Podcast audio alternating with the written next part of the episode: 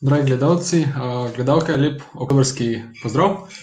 Upam, da se jasno vidimo in slišimo. Kot me zdaj verjetno že poznate, sem moderator Tilen Nipič in prav tako prostovoljec Popotniškega združenja Slovenije, katero organizira današnji dogodek.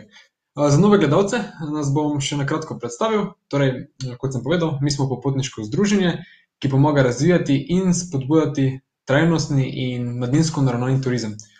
Izvajamo veliko število projektov. Eden izmed najprepoznavnejših je spletna popotniška revija Globetrotter, v kateri so zbrani eh, in vam na voljo članki o najlepših in najzanimivejših ter najbolj unikatnih doživetjih naših prostovoljnih novinarjev. Prav tako lahko v njej najdete koristne informacije za vaša potovanja in nasvete, kako se izogniti vsem vrstam zapletov na lastnem odkrivanju sveta. Današnja oddaja poteka v sodelovanju z organizacijo Mladi Maribor. Danes pa z nami nova gosta, seveda člana naše skupnosti in izkušena svetovna popotnika, ki se bosta z nami podala na potovanja skozi spoznavanje ljudi. Torej, z nami sta Edina Makovec in, Makovec in Jan Jurkovič, torej pozdravljena v naši oddaji. Zdravo, zdravo, Tilen. Lepo vaju je videti, kako sta? super, super, sva se že veselila, današnjega pogovora s tabo. Super, tako, tako tudi jaz. Kaj točno nam nameravate danes predstaviti? danes bova vam poskušala približati v bistvu, najin način potovanja, v katerega sva se, na neki način, zaljubila na najini prvi delovno-potovalni izkušnji, ki sva jo leta dva tisoč osemnajst, doživela v Združenih državah Amerike. tam sva se še kot študenta v bistvu, tja sva se kot študenta odpravila za kakšnih pet mesecev, štiri mesece sva delala in mesec dni potovala. in imela v bistvu priložnost, spoznati novo kulturo na drugačen način, ne samo, na, na neko, kot neko tritedensko potovanje, kjer se včasih, sva pred tem počutila, kot da nekaj manjka, kot da, še manjka neki, dodaten faktor, da res spoznaš kulturo. in v ZDA sva končno ugotovila, kaj je to manjkalo, in to je enostavno, da, v bistvu v tej v neki tuji kulturi preživiš dlje časa in imaš tam priložnost delati, ter tako spoznati, več ljudi, in v bistvu skozi, zgodbe, teh ljudi in prijateljev, ki jih, spoznaš, na neki način, pridobiti, nove izkušnje, drugačen pogled na svet, ki ga pa težko dobiš, če se odpraviš, le po nekih turističnih, atrakcijah, no. Ja, vsekakor je drugače, če greš potovat sam oziroma če živiš in delaš v tem kraju, torej se izobražuješ. Jaz bi pa samo vam, drage gledalke in gledalci, vas spomnil, da ne pozabite, da lahko kadarkoli postavljate vprašanja in komentarje, na katera bomo odgovarjali med potekom oddaje in na koncu. Tako da zdaj vam pa spet predajam besedo. Hvala. zdaj v bistvu, po tisti izkušnji v, Združenih državah Amerike sva vedela, da še na podoben način želiva izkusiti, druge kulture, druge države in sva, hitro potem si pridobila še vizo za Novo Zelandijo, in se kakšno leto dni kasneje odpravila, na Novo Zelandijo. Tam sva tudi začela pisati najin blog, Live the quest. in, najin blog v bistvu je bil na začetku usmerjen, predvsem, v neko, zbiranje informacij za, učinkovito pridobitev teh delovnih potovalnih viz, kaj vse, urediti pred odhodom v, neko, tujo deželo, ali je to ZDA ali Nova Zelandija, in kaj urediti po prihodu. enostavno se nama je zdelo, da je, takih informacij predvsem v slovenščini, malo in midva sva jih iskala med prijatelji, ki so že bili na podobnih izkušnjah, in pa, kasneje tudi, pač po spletu, in sva želela, da bi bile te informacije vse zbrane, no. in, tako je nastal najin blog. Ja, na takšen način sva hotela olajšati, še drugim, da bi pridobili to vizo. recimo za Novo Zelandijo je vsako leto na voljo le sto viz, tako da če jih hočeš dobiti, uh, moraš biti kar pripravljen, se poidejo uh, precej hitro. Uh, tako da smo ja, hotela olajšati. Um, še, dru še drugim popotnikom, ki bi si želeli uh, na podobne izkušnje po svetu. Uh, zdaj, uh, čez čas, ko pa se je blok razvijal, uh, pa smo začeli dodajati tudi uh, zgodbe uh, iz potovanja, in uh, uh, med drugim tudi uh, zgodbe ljudi, ki smo jih tam spoznavala. Uh, in uh, naju so uh, te zgodbe res inspirirale, vedno smo se naučili kaj novega, in upava, da uh, si med branjem teh člankov uh, odnesejo kaj pozitivnega tudi bralci in pa uh, mogoče danes uh, poslušalci, če uh, bodo slišali kaj novega. No? Um, Stupno, kar začnemo. Um, zdaj, v bistvu, uh, ko smo mi dva uh, prišla na Novo Zelandijo, smo že imela uh, zagotovljeno prvo službo, uh, že pred prihodom, tako da smo se po prvih uh, upravkih uh, odpravila uh, na skrajni sever Nove Zelandije, uh, v majhno mesto Kerry, uh, kjer pa uh, sva uh, v bistvu uh, delala pri uh, družini Sizer. Uh, družina uh, Sizer je imela uh, tako kar veliko uh, poslopje uh, z kmetijo, uh, z nekaj glavo uh, živino uh, in pa turistične hišice. Uh, tam sva skrbela v bistvu za uh, vso to uh, okolico.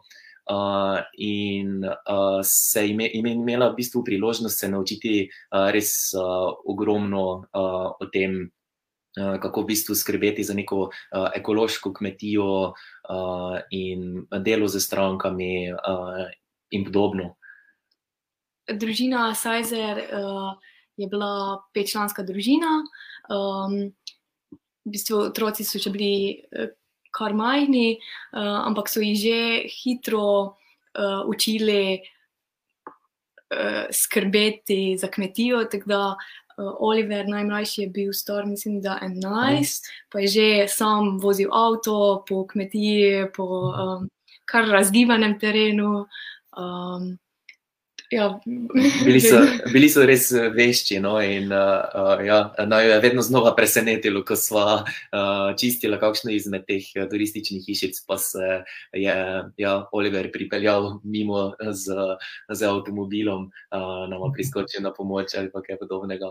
Uh, drugač, drugače sta ena pa Ian, ki sta uh, bila mama in oče teh otrok, uh, sta bila drugače iz uh, Velike Britanije. Uh, in sta potem imela službo, da sta potovala po celem svetu uh, in se na koncu ustalila uh, na Novi Zelandiji. Uh, in zato nam je bilo super, da je najna prva zaposlitev bila pri njih, uh, saj so nama nekako uh, na dober način, počasi. Uh, Predstavili ta ja. način življenja na Novi Zelandiji. Uh, Ker je vseeno, kar uh, kar drugače, uh, ker je tako redko poseljeno uh, in oni so živeli res na odročni lokaciji. Ta lokacija je bila uh, na koncu 6 km dolge makedonske ceste. Um, in veliko krat si se moral znajti, um, recimo. Ogromno krat se je kaj pokvarilo, ni bilo elektrike, ni bilo vode. Um, in v bistvu oni so bili um, samozadostni. Imeli so, imeli so tudi manjšo hidroelektrarno, ki jo je v bistvu Ian sam ustvaril, tako da so bili res uh, iznajdljivi. No, in uh, smo imeli priložnost se uh, veliko naučiti, uh, so nam dali tudi veliko misliti uh, o tem um, nekem v bistvu preprostem načinu življenja, ker uh, vse to. Ta kmetija in turistične hišice je bil edini njihov uh, način, v bistvu, uh, dohodka. dohodka uh, in uh, živeli so res uh, zanimivo, lepo življenje. Um, za vso to uh, okolico, um, ki smo jo bila tam uh, deležna, imela smo manjšo uh, stanovanje um, v res, na res uh, lep, uh, čudovitem območju, uh, in zato smo jim bila uh, še bolj hvaležna uh, kasneje, uh, ko smo v bistvu bila primorana pri njih ostati še dodatna dva meseca. Najprej smo načrtovali ostati le tri mesece, ampak pre, tik pred najnim odhodom na potovanje po Novi Zelandiji od njih je pa Nova Zelandija prišla v karanteno zaradi pandemije. To je bilo torej marca 2020 in ja, bili so seveda res odprti in pripravljeni nama podaljšati to najno življenje pri njih. Lahko sva stanovala v stanovanju, še vedno so rabili pomoč pri delu, tako da nisva ostala brez službe. Kar je bilo mogoče na začetku nekoliko, uh, smo bila razočarana, recimo, uh, ker smo si res želela začeti potovati, ampak če zdaj pogledamo nazaj, smo bila res vesela, saj so nekateri drugi popotniki uh, v tistem trenutku bili na poti, uh, brez službe, brez nekega stalnega doma uh, in so morali uh, svoje prihranke v bistvu. Uh, zapraviti za kakšne Airbnb, hostle ali podobno. Uh, smo sedaj uh, še toliko bolj hvaležni za uh, to priložnost pri družini Sajzer. Ja, ta, no. uh, izkušnja, pardon, ta izkušnja pandemije uh, je bila kar strašna, ker si v bistvu na drugem koncu sveta uh, in si sam, pač mi dva smo imeli en drugega, lahko se obrneš samo na sebe, ni, nimaš nekega doma, kjer bi se lahko zatekel. Uh, tako da nam je bilo uh, res super, da smo imeli to šanso, da smo lahko bila pri družini Sajzer, um, ker drugače, ja, kot je Jan rekel, uh, bi težko ja, kam zaiti. Ja, to je res lepo. No, pač, če bi sam je res težko uh, tako izkušnjo preživeti, no, da si ujet v neki drugi tuji državi pa sredi okay, dela oziroma celo potovanja. Um, ja, zanimivo, tukaj ste se pa pojavili že dve vprašanji, uh, ki bom jih zdaj jaz uh, prebral. No, torej prvo je, uh, da se ne zanima, kako ste prišli v stik s to družino. Uh, zdaj, v bistvu, uh, z te službe uh, na Novi Zelandiji lahko iščeš uh, na različnih spletnih straneh, vendar nama se je nekako uh, kasneje izkazalo, da so te uh, Facebook skupine, ki obstajajo uh, na, pač, uh, za iskanje služb, uh, res uh, super. Uh, vsi v bistvu delodajalci na Novi Zelandiji, ki iščejo službe, uh, tam več čas objavljajo, kadar iščejo uh, nove uh, zaposlene. In tako smo v bistvu uh, kakšen teden dni pred odhodom mm. na Novo Zelandijo, uh, mi dva tudi začela v teh uh, Facebook skupinah uh, malo spremljati, uh, kakšne službe sploh bodo na voljo. Ja, vsi so nam svetovali, da ne počakamo z iskanjem službe, ko pridemo tja, ampak smo si mislili, da se vsak slučaj pogledava uh, te Facebook skupine, da vemo, kaj pričakovati. Uh, in nekako smo videli oglas, ki ga je objavila družina Sajzer, se nam je zdel zanimiv. zanimiv tako da smo kar napisala uh, mail. Um, in smo v bistvu na dan, ko smo imeli uh, let, tisto jutro smo imeli še Skype intervju uh, z družino, um, kjer so nam malo povedali. Kako so, kje, kje so. Kako bo izgledala služba? Ja, pa je rek, potem ena rekla, da ja, se vidimo. Tako da je bilo kar sproščeno, pa mislim, ni bilo nič. Um, Bi rekla, Ni bilo nekaj zelo formalen, nek formalen. Pač zanimalo, zanimalo jo je bolj, kakšen mogoče karakter, sva, da smo odprta, mm. uh, pa pripravljena v bistvu različne uh, dela upravljati, uh, da naj ni strah prijeti lopate. Uh, in uh, ja, uh, tako v bistvu no, prek Facebooka in potem zadnji dan pred odhodom uh, uh, sestanek prek Skypa, potem pa teden dni po prihodu na Novo Zelandijo smo že bila pri njih. Torej, vse je potekalo na bolj preprost način, tako kot si želimo. Ja, ja.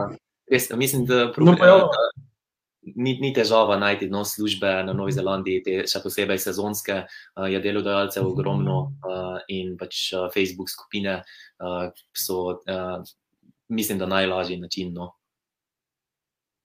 Sej, uh, mislim, da takšni popotniki, ki iščejo tako delo v tujini, so idealni za sezonsko delo, oziroma za sezonsko, ki se v turizmu pojavlja. Tako da, Tako, ja. pojavilo se še tudi eno vprašanje, ki še, torej, še na eno vprašanje bomo odgovorili, uh, ker dušo nas zanima, torej, m, ali viza za slovence velja eno leto in jo je mogoče podaljšati? Uh, Uh, ja, pač uh, načeloma velja eno leto uh, in lahko jo podaljšaš za tri mesece, če si uh, v tem letu opravljal tri, vs- vsaj tri mesece um, nekega dela v hortikulturi, agrikulturi oziroma na, na takšnih področjih. Um, torej, recimo, si tri mesece, uh, vse, vsega skupaj v enem letu preživel tri mesece v nabiranju jabolk, kivijev, uh, obrazovanju jabolk. Uh, torej, uh, ker takšnih del je največ in ga vedno v bistvu potrebujejo delavce, potem tudi to, nekako, nekako nagradijo z tem, da ti omogočijo podaljšanje vize. eh, ampak mislim, da kar stane to podaljšanje. Ja, se je, je za dopl, eh, definitivno je dražje kot pa ta, to podaljšanje te vize, je dražje kot pa ta enoletna viza. Uh, ampak vseeno ni to, uh, pač, ne vem, uh, ta za- začet, uh, enoletna viza, mislim, da je samo mislim, da je 126 Novozelandski. Novozelandskih dolarjev, kasneje uh, za podaljšanje pa nisem, nismo sigurna, ker mi dva nisva podaljšala na takšen način. Mi dva sva v bistvu na Novi Zelandiji lahko preživela leto, pa pol, ker je v bistvu Nova Zelandija uh, oziroma vlada, novozelandska vlada vsem uh, te enoletne vize podaljšala avtomatsko za pol leta. Uh, to pa zaradi tega, ker uh, smo bili tam v času uh, pandemije, Uh, in uh, na Novi Zelandiji je od vseh teh popotnikov, ki tja pridejo, ki jih na Novo Zelandijo vsako leto pride kakšnih 25 tisoč, ostalo samo še polovica. Nova Zelandija pa se praktično zanaša na uh, to delovno silo, uh, približevala se je tudi poletna sezona uh, in potrebovali so ogromno delavcev in so v bistvu z tem, da so nam podaljšali vize, zadržali vsaj še te, to polovico, ki smo bili tam, ker novi delavci pa niso morali priti na Novo Zelandijo, saj so bile meje zaprte. Uh, tako da mi dva smo imela to uh, srečo v nesreči, da smo dobila priložnost uh, za podaljšanje uh, vize pol leta uh, brez nekih komplikacij. No. Drugače je še tudi opcija, da vizo podaljšaš tako, da greš na turistično vizo. Uh, Ampak v tistem primeru Ja. potem uh, legalno Ne ne, ne moreš, več biti zaposlen. Zanimivo, zanimivo. Torej, vidim, da ste imeli srečo, da ste prej imeli tudi topel dom, lahko rečemo, ne? pri Aj. vajni družini. Tako Tako, ja, Ja. ja, tako ste rekli, sreča v nesreči. tako, ja. Okej. Uh, zdaj, če mogoče uh, nadaljujeva pri tej fotografiji. Um, uh, ja, to je bilo najno prvo novo leto uh, na Novi Zelandiji, ki smo ga preživela uh, na koncu uh, pohodniške poti uh, na samotnem rtu, um, v, kjer smo prenočila v eni izmed njihovih um, planinskih Tih koč. Uh, in uh, ker, je, ker ima Nova Zelandija res uh, nizko svetlobno onesnaženost, uh, so, bile, so bile zvezde uh, noro lepo vidne. Uh, Česa takšnega še res nisva videla prej, bilo. In si je mogoče težko predstavljati pri nas, uh, da, ampak sedaj, ko smo prišla nazaj, uh, pa pogledaš v nebo, n- nikoli ni niti približno tako, kot je na Novi Zelandiji, ker je enostavno toliko svetlobne onesnaženosti in se sploh ne zavedamo, uh, česa smo na nek način prikrajšani zaradi tega. No? Um, da, ja, uh, če kdaj potujete v kakšno malo manj, pos, red, redkeje poseljeno uh, državo, se vsekakor ozrite v nebo. Um, ja, uh, zdaj v bistvu uh, ta, uh, to, ta čas, uh, uh, ko smo bila v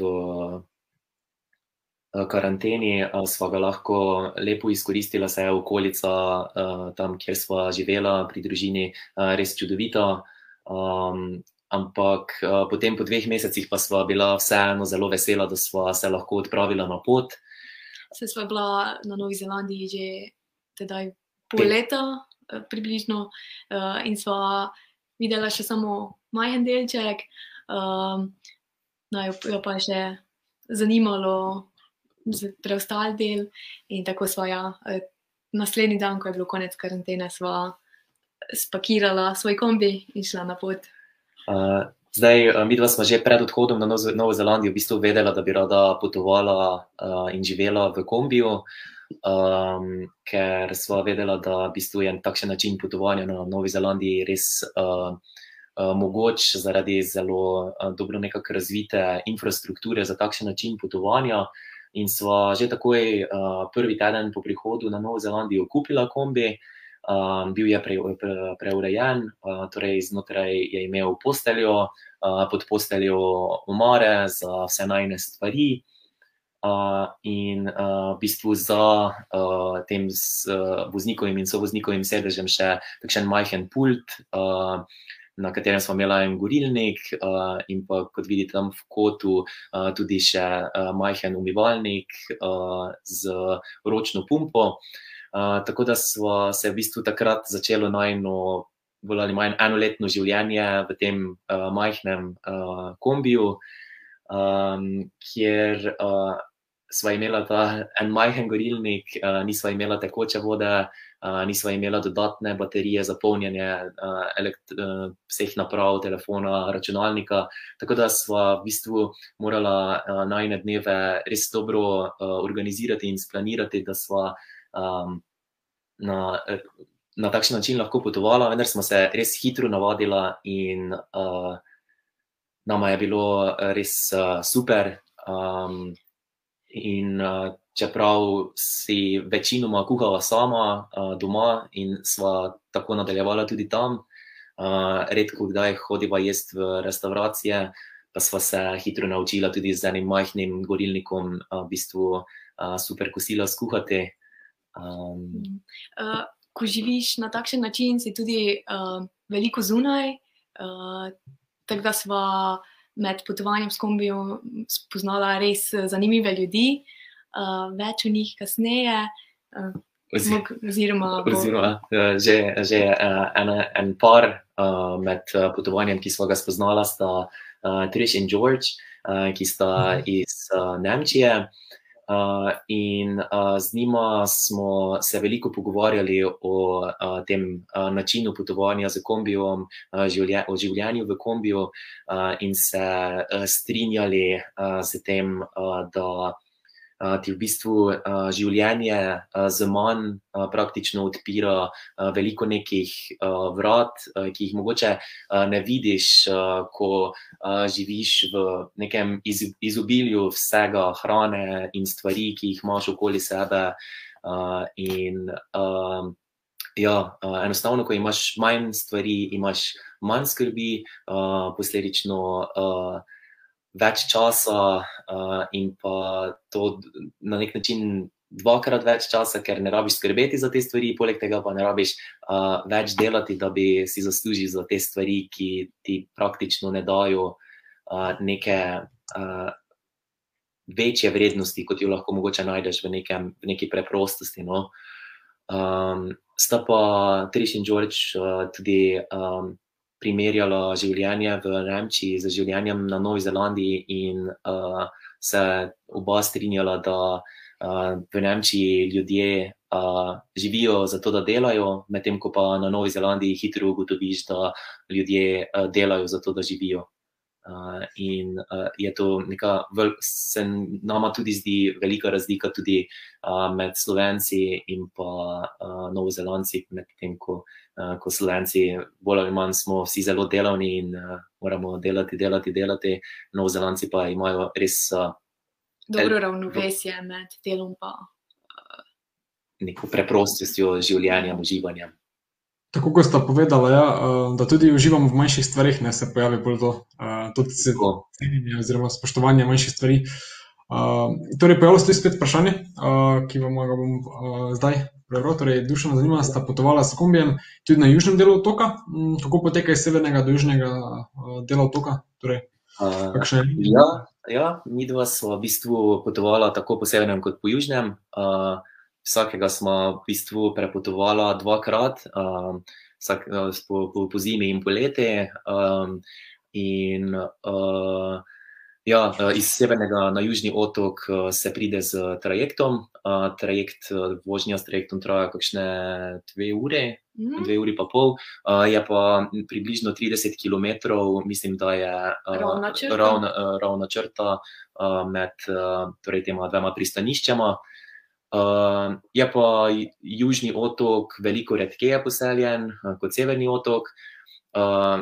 V vsakem primeru pa na Novi Zelandiji ni avtocest, so le mogoče obvoznice in pa avtoceste pri Wellingtonu, Christchurchu in Aucklandu, ki so največja mesta. Preostalo pa so v bistvu samo preproste, navadne, v bistvu pač enopasovne ceste. In ja, so lepo urejene, tako da z vožnjo nisva imela nikoli nobenih težav. Urejeno je tudi za, kako bi rekel, so neki urejeni odstavni pasi, kjer se lahko počasnejša vozila umaknejo, če se za njimi nabere kolona, ker enostavno je v na teh, kako bi rekel, zavitih cestah po zelo razgibanem okolju v bistvu včasih težko prehitevati. Je pa tudi to mogoče vredno omeniti, da se pa vozi po levi strani. Torej, ja, ampak midva sva se hitro navadila in nisva imela nekih težav. Mislim, da sva imela več težav, ko sva prišla nazaj domov v Slovenijo. Tako da ja. Torej, pojavilo se še eno vprašanje. Ja. Ksenijo zanima, ali je naporno leto dni živeti v kombiju, ali ste si kdaj želela, da bi šla v kakšen hostel, Airbnb in podobno? Je definitivno naporno živeti v kombiju, predvsem na začetku, ampak vedno dlje sva živela v kombiju, vedno manj sva pogrešala karkoli drugega. Ja. In v bistvu nisva Nisva, nisva pogrešala v bistvu nekega doma, dokler nisva v kombiju začela živeti v drugo zimo. Takrat pa sva si mogoče začela želeti malo nekaj udobja, nekega toplega doma, predvsem pa mogoče to, da imaš wc in pa tuš nekje znotraj. Torej midva sva eno leto na wc in pod tuš morala vedno iti iti ven. na javne veceje. Na javne veceje, na javne tuše, in tako naprej, no. Tako da take, take stvari se začnejo Kaj pa ste imela, mene pa zanima, če ste imela kakšno težavo s kombijem, kakršnokoli? imela sva v bistvu eno, če primerjava z drugimi popotniki, praktično nisva imela nekih težav, ampak Pri nakupu avta naju je bilo zelo strah, da bova imela težave, ker ko se pogovarjaš z drugimi potniki, slišiš kar grozne zgodbe, recimo eni kupijo avto in se jim po enem tednu pokvari pa ostanejo brez vseh prihrankov, in v bistvu ne veš, kaj kupiš, ne. Še posebej, če si tako kot midva, pa se ne spoznaš glih na avte. Ampak ja, no, glavnem, načeloma je šlo vse okej, tako da sva dobro odločitev sprejela, ko sva kombi kupila. Sva pa enkrat v bistvu se peljala na začetek ene izmed pohodniških poti po precej strmi, ozki makadamski cesti, res na odročni lokaciji. In kombi se je začel pregrevati, konkretno pač kadilo se je izpod havbe, midva sva ustavila kombi. Hladilna tekočina ja, šprica, iz, ja. ja, takrat sva mislila, pač uničila sva kombi, Konec Konec. je, konec je v bistvu za najino prevozno sredstvo in za najin dom. Nisva vedela točno, kako bova sploh prišla od tam, ker sva bila res na odročni lokaciji, drago bo stalo že odvoz, kaj šele popravilo kombija.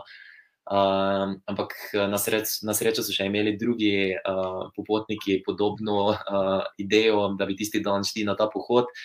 Tako da so nama pomagali nekako ohladiti ta kombi, da smo ga potem lahko spravili do vrha tega, te ceste, ker enostavno ni bilo sploh mogoče obrniti kombija. Um, kombi smo na tistem parkirišču pustila, da se je ohladil, smo šla na pohod, da smo se ohladila še mi dva, uh, in potem uh, kasneje prišla nazaj, uh, in na srečo v bistvu uh, je bilo vse ok, no? ni se pregrel preveč, da bi se uničil motor. Zdaj se je pa pojavilo še eno vprašanje v zvezi s kombijem, pa pa pohitimo dalje. Na, še več oseb, torej sezonu, pa zanima, kaj pa kombi po zimi, kaj zeblo?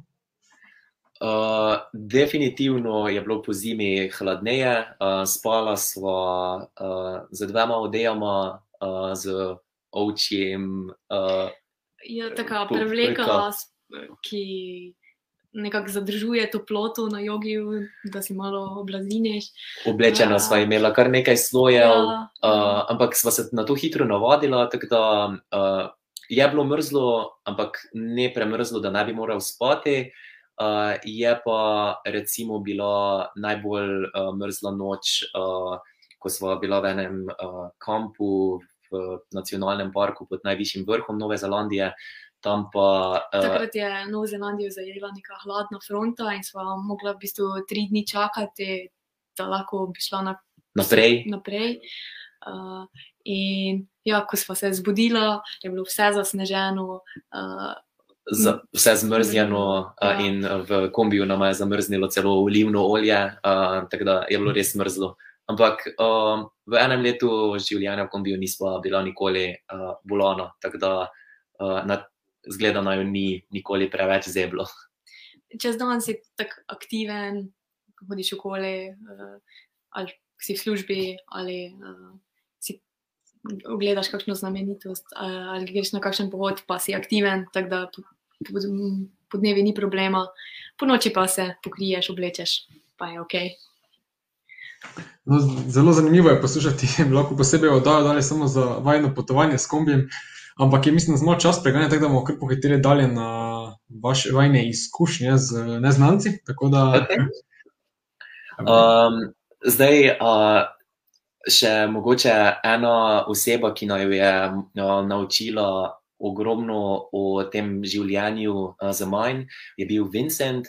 Uh, Vincent uh, prihaja uh, iz Švice, ampak že 20 let živi uh, na Novi Zelandiji. Um, Vincent je na Novi Zelandiji v bistvu delal v Wellingtonu v uh, studiu. Uh, Uh, za v bistvu, ko so snemali filme, uh, pripravljal je scene, med drugim je bil del tudi uh, pri snemanju Narnije, uh, in res različnih filmov. Um, potem pa se je uh, čez čas nekako uh, odločil, da takšen način življenja za njega ni uh, optimalen, uh, in uh, praktično prodal vse svoje imetje uh, in začel potovati po Novi Zelandiji peš uh, z svojim psičkom Bubo. Um, in uh, svoje imetje res minimiziral. Uh, vse, kar je imel, uh, je bila uh, 5 kg težka uh, torba uh, in pa vse, kar je imel oblečeno na sebi. Uh, po zimi, poleti, vedno je hodil bos, uh, imel je ene hlače, eno jakno, eno majico in pa ne, nekaj pripomočkov, bil pa je res uh, iznajdljiv in je. Uh, vsak dan razmišljal, kako v bistvu uh, čim bolj uh, izpopolniti vse svoje stvari, da bodo mu pomagale uh, čim bolj efektivno živeti. Uh, izdelal si je tudi svoj uh, gorilnik uh, in ja, uh, v bistvu živel na prostem, spal v parkih in podobno. Tako da on je v bistvu na takšen način živel in potoval uh, prostovoljno in se je počutil. Uh, boljše kot uh, kadarkoli prej, in res je bil super oseba. Uh, med večerjo, ko smo jedli uh, palačinke v enem kampu, uh, pa uh, nam je dal veliko misliti z tem uh, mogoče uh, spodnjim stavkom, ki smo ga tukaj zapisali.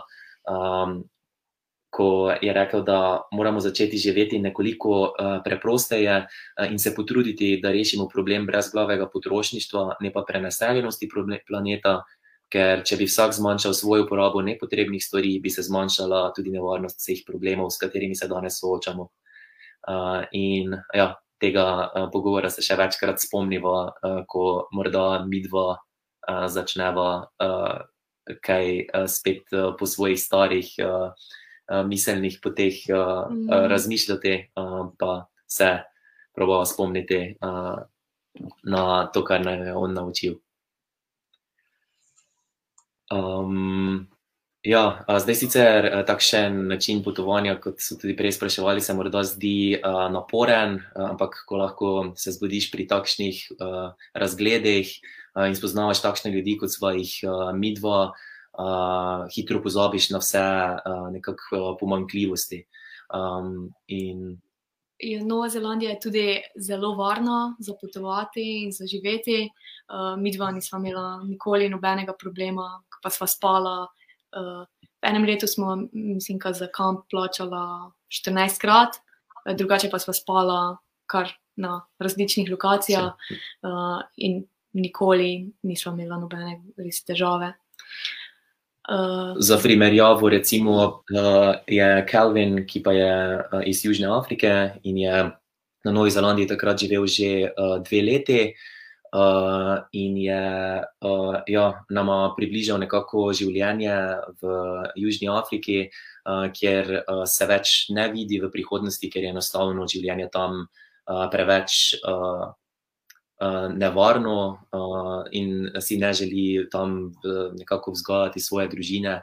Uh, na Novo Zelandijo pa se je priselil uh, v bistvu. Uh, ker se je družina njegove punce preselila sem uh, in je tako pripotoval za njo uh, in uspel dobiti uh, vizo kot uh, inštruktor padalstva, uh, sedaj pa sta z to punco tudi že uh, zaročena.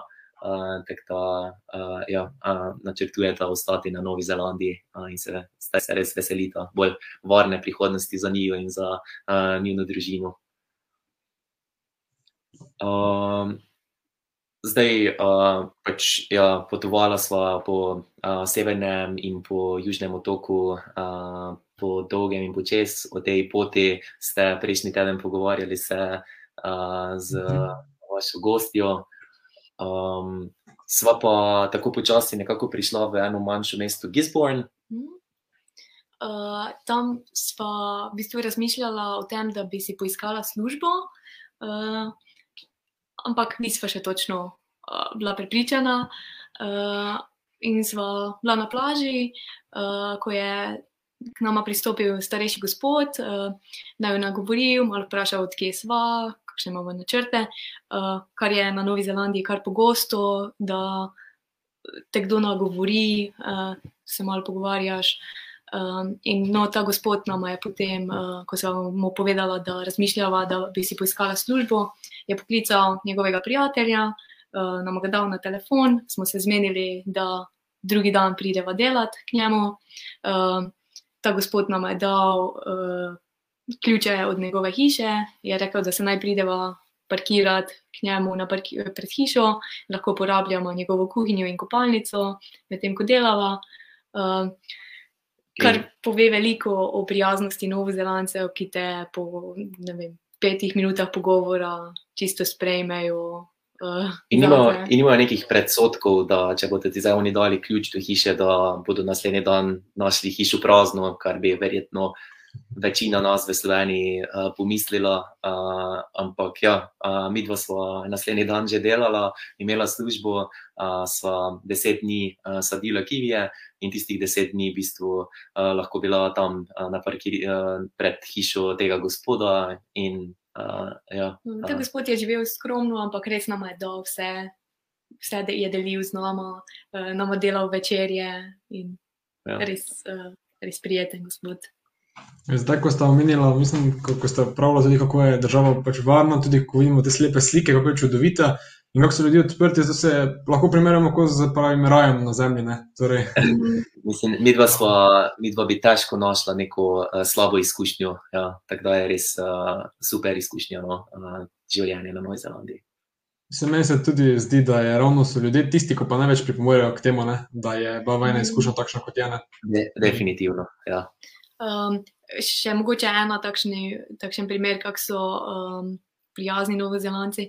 Uh, po tistem, ko je Jan omenil, da se nam je pregreval motor avta, vedno, ko smo šla v hrib, smo šla bolj počasi, uh, pod tistem uh, se je malo stavila, da je avto imel dovolj časa. Um, in takoj, ko smo se malo ustavila, je se za nami uh, ustavil še nek gospod, vprašal, če je vse ok, če kaj potrebujeva. Uh, smo mu povedala, Da malo Da- uhlajava avto, Mm. da bo res varno prišel čez hrib. Uh, ja, in je on rekel, ja, ja sej, smo že skoraj na vrhu, da naj ne skrbimo. Uh, in ko smo se potem pripeljala na vrh, so videla, da je na, tam na bližnjem parkirišču čakal, uh, da bi videl, če smo prišla prek, uh, če ne bi nama prišel na pomoč. Tako da Res, uh, res ja, so. Uh, res prijazni in uh, kako se Pri- thoughtful, uh, premi, ne vem, premišljeni in mislim, ja, Ja, pripravljeni uh, pripravljeni pomagati. Sočutni, res zelo. Ja. mm, Uh, zdaj, na, med potovanjem tam smo srečali tudi uh, nekaj uh, slovencev, uh, in uh, ena izmed teh je bila uh, Neža. Um, Neža uh, je takrat uh, v bistvu uh, skozi pogovor uh, z njo uh, smo se uh, strinjali uh, glede tega, da uh, enostavno včasih uh, določeni ljudje ne bodo v tvojem življenju ostali uh, zavedno. Uh, včasih eni ljudje uh, pridejo in odidejo, se od njih nekaj naučiš, oni morda uh, nekaj od tebe. Uh, in je to to, uh, za kar je njihova zgodba v tvojem življenju, uh, kar pa je mogoče na začetku težko sprejeti, uh, ko med potovanjem z kombijem po teh različnih, uh, med različnimi deli enostavno spoznavaš toliko različnih ljudi uh, in uh, si želiš, da bi ostal z vsemi v stiku, ampak enostavno to ni mogoče. In uh, ja, čez čas sprejmeš tudi to in vsako to izkušnjo poskušaš in vsak pogovor uh, poskušaš nekako doživeti v tistem trenutku najboljše, kolikor se da, uh, in uh, ja, uživati v trenutku. No. Um, tako da, uh, ja. Um, Zdaj, uh, mi dva sva potem počasi potem, uh, po severnem otoku prišla v glavno mesto Nove Zelandije, v Wellington, uh, kjer pa sva začasno uh, deset dni uh, živela v enem stanovanju, živela pa sva pri gospe Kerry. Uh, uh, zdaj, to je tudi zanimiva zgodba. Uh, Kerry je profesorica fizike uh, v Wellingtonu in je uh, dobra prijateljica mojega profesora mentorja za magistrsko nalogo, um, in smo prek mojega mentorja v bistvu nekako prišli, prišla v stik uh, z to uh, uh, Kerry v Wellingtonu, uh, in uh, no, je takoj povabila na kavo, ko je videla, da smo tam. Um, na kavi nam je povedala, da uh, v bistvu se v naslednjem tednu odpravlja na službeno pot za nekaj dni, in je vprašala, če bi bila pripravljena ta čas skrbeti za, njuna, za njena dva hišna ljubljenčka, uh, za uh, Muco in pa psa. Um, in ja, uh, mi dva takrat nismo točno vedela, kam naprej, če naprej na južni otok uh, ali si poiskati kakšno službo ali kaj podobnega. Pa sva uh, z veseljem pomagala in uh, v bistvu uh, tistih deset dni preživela pri, uh, v njenem stanovanju. Uh, tako da teh takih podobnih izkušenj je na Novi Zelandiji res uh, veliko. Uh, sva pa uh, kasneje med potovanjem spoznala tudi uh, Kilena, uh, ki je bil rojen na Novi Zelandiji, uh, njegovi starši pa prihajajo iz Indije. Uh, in nam je uh, zaupal res uh, zanimivo zgodbo uh, njegovih uh, starih staršev, uh, ki so bili. Um, Uh, v bistvu, ki so živeli v Indiji uh, in od tam uh, se preselili uh, v času, ko se je iz uh, Indije uh, selilo res uh, ogromno ljudi. Uh, takrat so enostavno uh, v Indiji s, uh, se vkrcali ljudje na vsako ladjo, ki je potovala iz Indije, uh, in tudi njegova stara starša sta bila med njimi. Uh, vkrcala sta se na ladjo in sploh nista vedela, kam ladja gre. Uh, ladja je bila sprva namenjena uh, v Avstralijo, uh, ampak uh, po neki nesreči, uh, v bistvu so prišli na ključju, mislim, na ključju, pardon, na ključju so potem prišli v, uh, na Novo Zelandijo, v Wellington, kjer sta se izkrcala uh, in od takrat naprej živeta, živita na Novi Zelandiji. Uh, tako da, ja. Um, je bilo kar zanimivo uh, slišati neko tako zgodbo, ker ne, mislim, ne sploh ne predstavljaš, da bi kdaj naredil kaj takšnega. In uh, se, za, za iskanje recimo, neke boljše prihodnosti ja. za svojo družino. Uh, in, uh, ja, uh, Kilen uh, pa se je že večkrat vrnil na, v Indijo uh, in pomagal otrokom, učil jogo, kuhal uh, za osnovno šolce. Uh, in, uh, ja, uh, v bistvu je po izobrazbi kuhar uh, in uh, nekako vidi svojo poslanstvo v življenju, da skuša na Novi Zelandiji zasluži, zaslužiti čim več denarja. Uh, in ta ves denar uh, odnesti sabo v Indijo, ker lahko za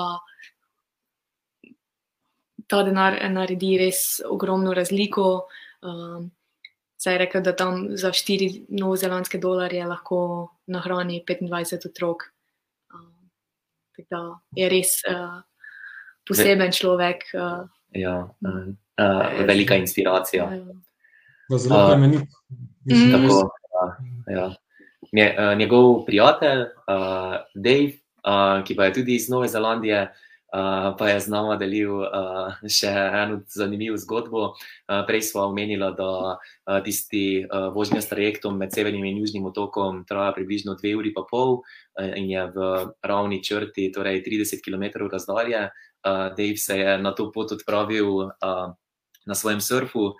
Uh, in uh, v bistvu pre, preplaval na surfu celotno pot, uh, na pomoč uh, za, za vsak slučaj so ob njem uh, bili še na čovnu njegovi prijatelji, ampak uh, celotno pot je uspel preveslati oziroma pre, preplavati uh, in priznal, da je potem, uh, na, ko je prispel na južni otok, uh, imel v bistvu roke čist uničene. Uh, ampak uh, ja, zato se je pripravljal kar nekaj časa in bil, mislim, da prvi, ki mu je uspelo na takšen način prepotovati iz severnega na južni otok. Uh, zdaj, mogoče uh, bi te kar mi to vprašala, če imamo uh, čas, da nadaljujemo. Uh, ali je kakšno vprašanje? Zdaj bomo še na vprašanje odgovorili na koncu, tako da bi lahko malo pohiteli, ja, ker se vseeno s časom omeni. Okay. Ampak... Okay. Um, bova mi dva uh, mogoče uh, kar prešla na, um, mogoče na to? Ja. Uh, Potem, ko smo šli v Wellingtona, smo uh, šli na južni otok, uh, na skrajni sever južnega otoka, kjer smo dobili službo na uh, manjši farmi malin, uh, kjer smo uh, pobirali maline, prodajali maline, prodajali sok, uh, v bistvu uh, vodila to trgovinico, kjer smo prodajali vse te stvari. In pa kakšnih 10-12 zaposlenih. Nabiralcev. Uh, v bistvu je tudi to uh, zelo zanimiv aspekt na Novi Zelandiji, se ti delodajalci zelo hitro zaupajo. Uh, mi dva sva pri njima delala tri mesece um, in so nam že tako zaupali, da uh, sva en mesec so nam prepustili. Um, Da sva to vse, skrb, da vse poskrbela sama. V bistvu, ja njegova lastnikov sploh ni bilo tam, uh, mi dva sva bila uh, tam zadolžena tako za uh, upravljeno delo, za, uh, za vse zaposlene. Uh, in ja, smo imeli priložnost uh, se naučiti res ogromno. Uh, med drugim uh, je bilo res super izkušnja, uh, predvsem to, uh, kar so uh, izkazali domačini, uh, ker uh, na Novi Zelandiji se res kaže ta podpora znotraj skupnosti uh, in podpirajo nekako uh, lokalno uh, in uh, se podpirajo en drug drugega. V bistvu, čeprav smo mi prodajali recimo maline, ki so bile dražje od malin v neki trgovini, uh, so uh, vseeno kupovali uh, sadje pri nas, uh, ker so vedeli, da bo tako uh, nekako denar ostal uh, znotraj uh, te. Uh, skupnosti in vedo, da bo se prej ali slej vrnil tudi nazaj do njih. En zanimiv del potovanja na Novi Zelandiji so tudi te manjše takšne kolibe, uh, ki v bistvu pričajo ravno o tem, uh, da enostavno podpirajo uh, lokalno in se podpirajo drug drugega. Uh, in v teh manjših uh, stojnicah uh, so uh, družine ali pa pridelovalci, ki so pridelali ve več nekega, neke hrane, ki je sami niso morali pojesti, so jo dali v na police te male stojnice, zraven napisali ceno in poleg hrane nastavili manjšo skrinjo in si ti v bistvu samo postrežno vzel sadje, koliko si ga želel, pustil denar, denar v skrinji in je bilo to to. Ni bilo nobene osebe in vse je nekako delovalo na zaupanju in zgleda je delovalo res super. Mi dva sva na takšen način kupovala sadje, zelenjavo celoten eh, čas in uh, si želiva, no, da bi nekako tako zaupanje in pa neka podpora znotraj skupnosti uh, zaživela tudi pri nas, uh, še bolj kot uh, na, nek, na nek način že danes je. Uh, so pa tam v tej službi uh, imela priložnost spoznati uh, zanimivo osemčlansko družino. Uh, Paul in Suzy sta imela uh, šest otrok, uh, ki so bili vsi bolj ali manj v dveh letih razlike uh, in uh, so bili uh, res uh, zanimivi um, in polni energije. Uh, je pa nama uh, oče uh, uh, zaupal zgodbo, ko so se odpravili uh, na Bali. Uh, rezerviral je letalske karte. Uh, in jih dobil res poceni, uh, bili, vsi so bili veseli, potem pa jim je uh, rekel, da pa je manjš, en manjši twist in to je, da imajo lahko uh, samo uh, torej eno potovalko stvari. Uh, tako, eno ročno prtljago. Eno ročno prtljago. Osem. uh, tako da so vsi ja, v bistvu imeli vse, kar so imeli oblečeno, v potovalki pa uh, dokumente, pa vsak svoje kopalke in to je bilo to. Uh, tako da uh, so res uh, potovali z minimalno prtljago. Uh, najna sodelavka tam pa je bila uh, tudi še uh, recimo Min uh, iz Tajvana. Uh, Min uh, nam je uh, tam med pogovori uh, nekako približala uh, način življenja, uh, ki ga je živela v Tajvanu, v primerjavi z načinom življenja tukaj na Novi Zelandiji. Uh, in nam dala jasno vedeti, da je zelo srečna tukaj uh, na Novi Zelandiji in da ne namerava kaj hitro domov.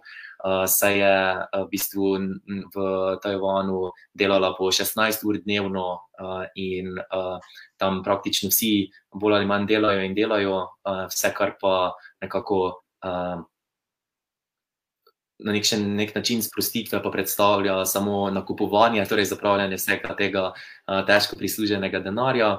Uh, in enostavno v tem ni videla prihodnosti, in uh, na Novi Zelandiji uh, čist spremenila svoj način življenja, in tudi ona potovala za kombijem.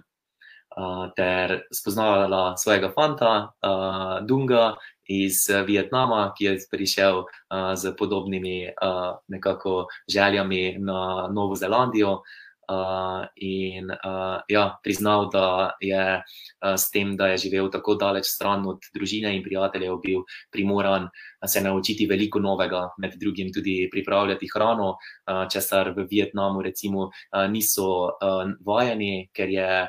Ulična hrana tako poceni, se jim enostavno ne splača pripravljati hrane doma, vsak zase, ampak večinoma vsi uh, jedo zunaj na ulici. Mm. Tukaj na Novi Zelandiji pa je stvar nekoliko drugačna.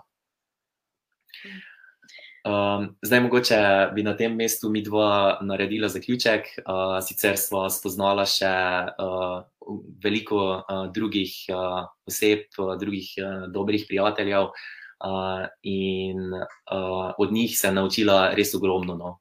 Postala smo veliko bolj sočutna, uh, veliko bolj odprta. Uh, naučila sva se tako postavljati vprašanja, uh, kot pa tudi uh, tem uh, uh, nekako uh, vsem osebam in prijateljem prisluhniti in se od njih uh, veliko naučiti. Uh, in uh, čeprav uh, se nam zdi, da smo kot osebi uh, na tem enem letu, letu in pol življenja na Novi Zelandiji precej izrasla, si pa podobnih izkušenj in pa novih prijateljstev še vsekakor želijo. No, to je res uh, čudovito slišati. Ne? Tako da, predne še jaz zaključim, bomo pa še odgovorili na par vprašanj. Tako da, uh, prvo se bo ravno kar pojavilo, evo, in je že na ekranih. Kot vidite, torej Vito zanima, ali ste jedli tudi kaj lokalnega. Uh, zdaj, mogoče. Nova, Zel Nova Zelandija uh, nima glih neke lokalne kulinarike, uh, saj tam ogromno priseljencev, uh, Uh, in mogoče je najbližje lokalni jedi, angliški fish and chips, uh, to je za domačine, uh, obvezen obrok vsak petek zvečer in nedeljo popovdne, ko si na plažo odnesejo fish and chips. Um, je pa uh, pač drugače še, ja, uh, poleg tega fish and chips, tam še indijska hrana, azijska. Uh, Sva pa mogoče, recimo, bila enkrat povabljena na večerjo, uh, kjer nam, nam je prijatelj pripravil sveže uh, uh, nabrane školke. Uh, in pa recimo pri družini Sajzer uh, smo uh, včasih jedli uh, tudi ribe, uh, ki jih je uh, on ujel v tisti reki uh, ob uh, teh uh, počitniških hišah. Uh, Tako da uh, to je mogoče naj, najbližje. Na, najbližje temu. No. Uh, je pa na Novi Zelandiji ogromno sadja in zelenjave, um, tako da uh, svežega sadja in zelenjave pa nama nikoli ni primankovalo. No, uh, čudovito je pač mlada država, dejansko uh, kot kolonija. Ne? Uh, in ima takšne kulture, kot so stari evropski narodi, ki imajo svojo pravo gastronomijo razvito.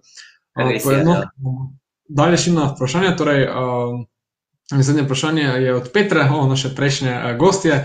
Torej, katera žival, uh, katere živali ste srečali na poti, ko ste tako živeli v kombiju, najbrž ste lahko parkirali bolj odročno in lahko opazovali naravo, živali in podobno. Uh, ste videli v živo tudi novozelandsko uh, živalico Kivija? Uh, zdaj, v bistvu, kaj, videla, zdaj, če mogoče začnemo s tem, koga, kaj smo vse videli. Uh, Uh, videla smo ogromno, ogromno ptičev, uh, nama najljubši so bili uh, uh, fantail uh, ptiči, ki, so, ki imajo tako res lep, uh, črno-beli rep. Takšno pahljačo. Uh, najbolj zanimivo srečanje, mogoče z živaljo za mene, je pa definitivno, ko smo srečali uh, Keo. Uh, Kea uh, je uh, edini v bistvu. Uh, gors, eh, edina gorska papiga na svetu, uh, ki živi na Novi Zelandiji. In uh, ko smo se v bistvu spenjali na en uh, 1800 metrov uh, visok vrh, smo naredili manjšo postojanko, da bi pojedla. Uh, in se na, malo odpočila, uh, je neposredno na eno bližino uh, priletela ta uh, papiga, uh, ki pa so res uh, drzne, uh, ker uh, so jih v bistvu turisti razvodili s tem, da so jim dajali uh, čokoladice in sedaj že vedo, da v bistvu od ljudi dobijo hrano. Ampak je pa striktno prepovedano jih hraniti, ker enostavno se več ne vejo obnašati v naravi in same loviti. Uh, so pa čudovite, še posebej, ko razperejo krila, uh, ker, so, uh, ker so barve njihovega perja uh, res uh, čudovitih odtenkov.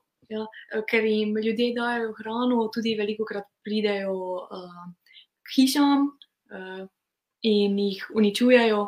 Recimo, ena družina, ki so jo srečala, so rekli, da so imeli leseno hišo in so jim, ki je popolnoma uničile to les. Um, drugače, sva, ptičev je res ogromno, to, včasih mogoče v Sloveniji pogrešava, da je v zadju vedno ptiče petje.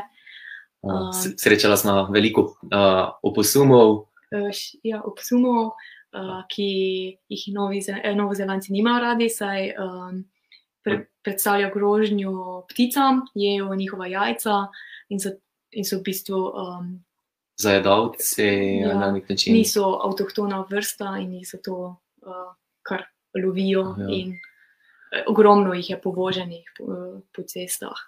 Uh, Kivi, kivija pa nismo videla uh, v naravi, uh, nismo ga niti tudi šla pogledati v muzej um, ali pa v živalski vrt, ker enostavno takih stvari se, ne, se izogibamo. So pa ga med uh, pohodom uh, okoli uh, jezera Vajkaramuana, uh, eden izmed velikih pohodov, smo pa ga slišali po noči, um, ko smo bila v tej uh, planinski koči, uh, ampak ja, nismo pa ga videla. No, zelo lepo. Um, zdaj se pa pojavilo še vprašanje, vezano na, prej na kombi. Torej, Namreč sem kam zamudila, ampak kje ste se tuširala, torej, če se niste mogli v kombi, torej, kje ste se tuširala drugi? Uh, ja, po zimi, ko je bilo mrzlo, uh, sva uh, tuš uh, veliko krat zamenjala z vlažilnimi robčki. Um, Ali pa v bistvu uh, vsake, vsake nekaj dni uh, šla v kakšen uh, fitness ali pa uh, kopališče, ki pa uh, za nekaj dolarjev tudi uh, v bistvu uh, nudijo uh, pri, pač možnost uh, uporabe tuša. Um, poleti pa s tem ni bilo težav, ker praktično pri vsaki uh, plaži. Uh, ali pa uh, ja, pri vsaki plaži, pri jezeru so uh, javni tuši in smo se tuširali tam, uh, ali, pa, ali pa v rekah, kjer so potovala v jezerih. Uh, da, uh, z tem nismo imeli nekih uh, težav. No. Uh, vedno, vedno se je našel kakšen uh, javni tuš, uh, ki se ga dalo uporabiti. Um, Ko pa smo čutili, da še posebej v nekih težavnih dneh, pa smo čutili, da rabimo morda malo več obdobja, pa smo si potem res plačali uh, uh, kamp, Uh, in v ka, ti polno upremljeni kampi pa imajo vedno tudi upremljene kopalnice, tako da smo se tuširali tam. Ampak to je bilo v enem letu 14 krat, tako da se da tudi uh, brez tega. No, in leto ima 365 dni, tako da sta morala veliko, veliko vloženih rok uporabiti. Še posebej, posebej v zimi, po zimi, poleti, poleti pa je skoraj, skoraj no, več čas si ali blizu morja, ali blizu reke ali jezera. Uh, tako da uh, ja, se, se da znajti. No, zdaj bomo pa še odgovorili na zadnje vprašanje. Uh, Vito, oziroma Uroša, vidim, zanima, koliko sta plačala za kombi. Pa katerega, uh, katerega ste kupili? Ja, kupila smo uh, Toyota Hiace, bil je letnik 1999 in uh, ko smo ga kupila, smo dala za njega 6800 novozelandskih dolarjev, kar je bilo takrat 4000 evrov. Imel pa je privoženih 370 tisoč. 370 tisoč kilometrov, uh, tako da ja, um, je bil um, mogoče uh, kar, že, že kar zdelan v tem pogledu, ampak uh, nama ni predstavljalo nobenih težav in sva ga v bistvu kasneje, uh, pred odhodom, uspela prodati za praktično isto ceno. Uh, mislim, da za 6400 novozelandskih dolarjev. Tako da uh, je bil uh, super nakupno. Um, kombijo pa praktično ni problem kupiti in ne prodati, v, še posebej ne v normalnih časih, ko je več čas nek tok novih popotnikov v in tistih, ki zaključujejo svoje, potova, svoje potovanje iz države. No, super, to je uh, ja, vrhunsko, ko sta povedala. Zdaj pa bom jaz, ker se že, uh, ok, vidimo, so še malo zadnje vprašanje, tudi tega še te odgovorimo. Torej, uh, koliko ste vse skupaj zapravili na, na potovanju? Vse skupaj, celotni stroški. Težko bi povedala, koliko je bilo vsega skupaj, mm. uh, lahko pa povem. Je res bilo pač, uh, leto in pol, in je bilo malo potovanja, malo dela, malo potovanja, malo dela. Uh, Ampak. Sva pa si nekako uh, zračunala stroške, da ko sva tiste prve pol leta živela v stanovanju na Novi Zelandiji. In kasneje uh, eno leto v kombiju in potovala po Novi Zelandiji, smo imela v obeh primerih uh, iste stroške. In je bilo to približno 1000 evrov. 1000 evrov na osebo, mislim, na, na, oba, na oba na mesec, tako da 500 evrov na osebo na mesec. Uh, je naj način življenja na Novi Zelandiji stal najodva, uh, ampak uh, mogoče kot ste zdaj skozi pogovor videli, je bilo pač je naj način bil uh, skromen iz vidika, da nisva plačevala za prenočišča. prenočišča. Um, hrano smo si uh, v bistvu kupovali v stojnicah, na marketih uh, in si večinoma pripravljala sama, ker neke uh, više neke kulinarike, ki bi naj res zanimala in bi bila nekaj lokalnega, ni bilo, pa smo potem si v bistvu pripravljala sama. Uh, in uh, mi dva načeloma ne hodiva neke, na neke uh, turistične vodene oglede, tako da smo vse nekako hodili v lastni uh, uh, organizaciji uh, in večinoma časa namenila raziskovanju narave, z pohodi in podobno, tako da nismo imela tudi ne s tem takšnih stroškov. Tako da se morda stroški tisoč evrov za dve osebi na mesec zdijo uh, malo, in se nam zdi, da mislim, je malo, uh, ker lahko na potovanju hitro zapraviš več. Uh, se pa vsekakor da hitro na Novi Zelandiji tudi zapraviti še več kot, kot to. Uh, no, upam, da smo s tem nekako odgovorili na vprašanje. Uh, je bil nekšen začeten vložek tudi, uh, ampak uh, to so potem vize in letalske karte, uh, ki pa. Ja. Ja, vse večinoma ste si pa tudi lahko povrnili z delom. Torej, tako, da... tako, tako, ja. tako ja. Torej, uh, ja. Točno tako. Uh, zdaj pa smo se prišli do konca naše oddaje, no, uh, ki se je pač lepo odvila. Uh, kot vedno, če vas zanima še kaj več, lahko prosto kontaktirate uh, Edino in Jana. Uh, danes je bilo zelo lepo v vajni družbi. Uh, upam, da ste tudi vi dvožili kot mi. Hvala za vajno uh, zanimivo predstavitev in deljenje izkušenj ter za te nove informacije. Verjamem, da smo si zaradi vaju uh, vsi pridobili nekakšno večjo motivacijo za spoznavanje novih ljudi in navezovanje stikov. Mogoče tudi razmišljamo že o delu v tujini. Ne? Tako da, um, res, hvala. hvala. Uh, o čem pa bomo govorili in kdo se bo s svojimi bogatimi popotniškimi izkušnjami pridružil v naslednji oddaji, pa bo objavljeno za vas v Facebook skupini uh, Poceni potuj in se izvažuj. Torej, draga gosta, to je danes vse in še enkrat uh, hvala za vajen obisk, lepo bodite in veliko potujte. Hvala, hvala, hvala lepa, enako. enako. Uh, hvala tudi vam, uh, gledalcem za vprašanje in da ste bili z nami. Uh, skupaj so ustvarjamo ta popotniški snap v edinstveno spletno oddajo, ki bo še naprej gostila znane popotniške osebnosti, ki nas bodo vodile po virtualnih in lahko rečem tudi izobraževalnih potepanjih. Seveda pa imate vsi možnost postati del naše zgodbe. Če bi radi delili z nami kakšno prigodo s potovanj ali upravljali podobno prostovoljno delo, se nam lahko pridružite. Za več informacij le obiščite spletno stran našega popotniškega združenja. Do naslednjič, ko se spet vidimo, ostanite zdravi, veliko potujte ter um, uživajte. Vse dobro in bom vojaš.